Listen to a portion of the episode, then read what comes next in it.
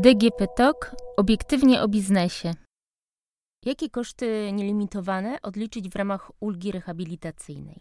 W ostatnim odcinku mówiłam o możliwości rozliczania wydatków limitowanych w ramach preferencji dla osób niepełnosprawnych i ich opiekunów. Można go odsłuchać na stronie podcast.gazetaprawna.pl. Dziś powiem o trzech wydatkach. Ich wysokość trzeba udokumentować np. fakturą, bo znane muszą być m.in. dane kupującego.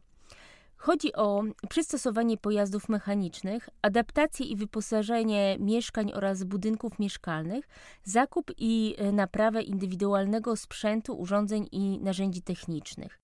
Jeżeli chodzi o pierwsze odliczenie, to warto wspomnieć, że chodzi tutaj o wydatki, których skutkiem jest przerobienie samochodu w taki sposób, który umożliwia korzystanie z niego osobie niepełnosprawnej.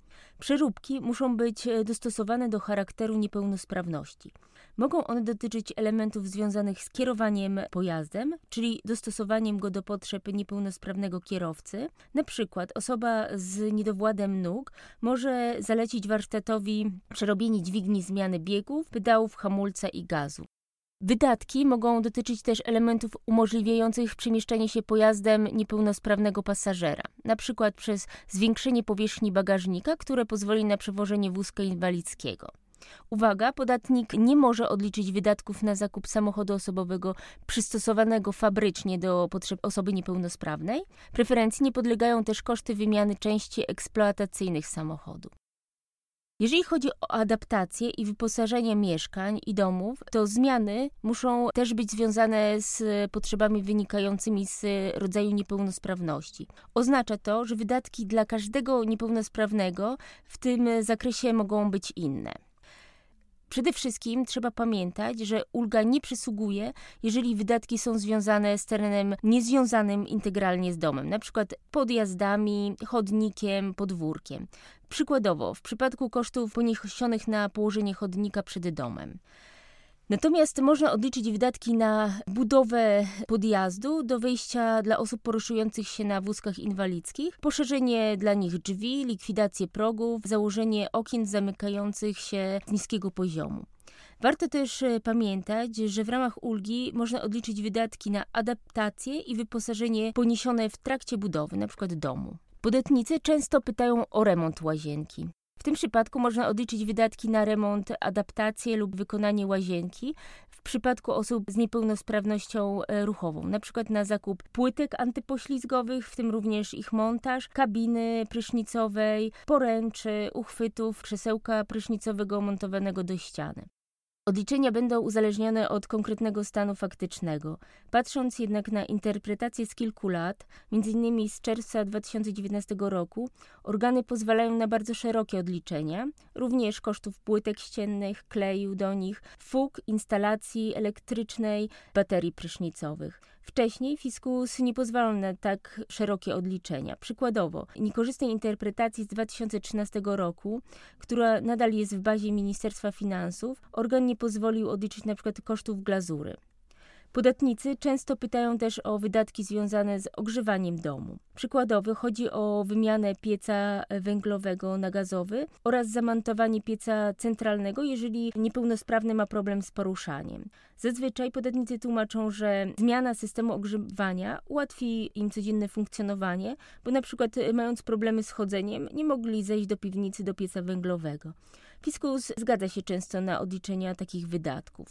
Warto jednak zwrócić uwagę na jedną ze starszych interpretacji z 2016 roku, w której organ nie pozwolił odliczyć wydatków na ocieplanie budynku tłumacząc, że brak ocieplenia jest uciążliwy dla każdej osoby mieszkającej w podobnych warunkach. Dlatego prace związane z docieplaniem budynku są podyktowane w każdym przypadku potrzebą remontu i modernizacji nieruchomości bez względu na to, kim są jej mieszkańcy.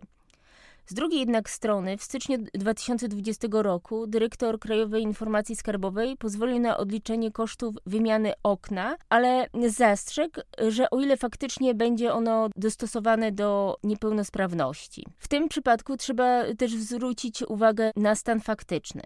Chodziło o 73-letnią kobietę, która nie jest w stanie wejść na krzesło, aby dopchnąć od góry nieszczelne okno, ponieważ e, nie ma ręki, od łokcia, a poza tym ma zawroty głowy. Jednocześnie mieszka z 85-letnim niepełnosprawnym mężem.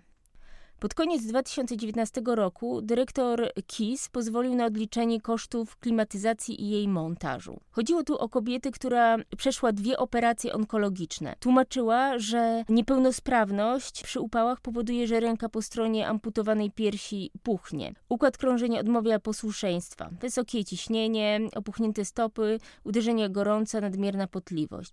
Dlatego klimatyzacja ułatwiała wykonywanie podstawowych czynności życiowych. Ostatnie zagadnienie, które chcę poruszyć, dotyczy zakupu i naprawy indywidualnego sprzętu, urządzeń i narzędzi technicznych niezbędnych w rehabilitacji oraz ułatwiających wykonywanie czynności życiowych.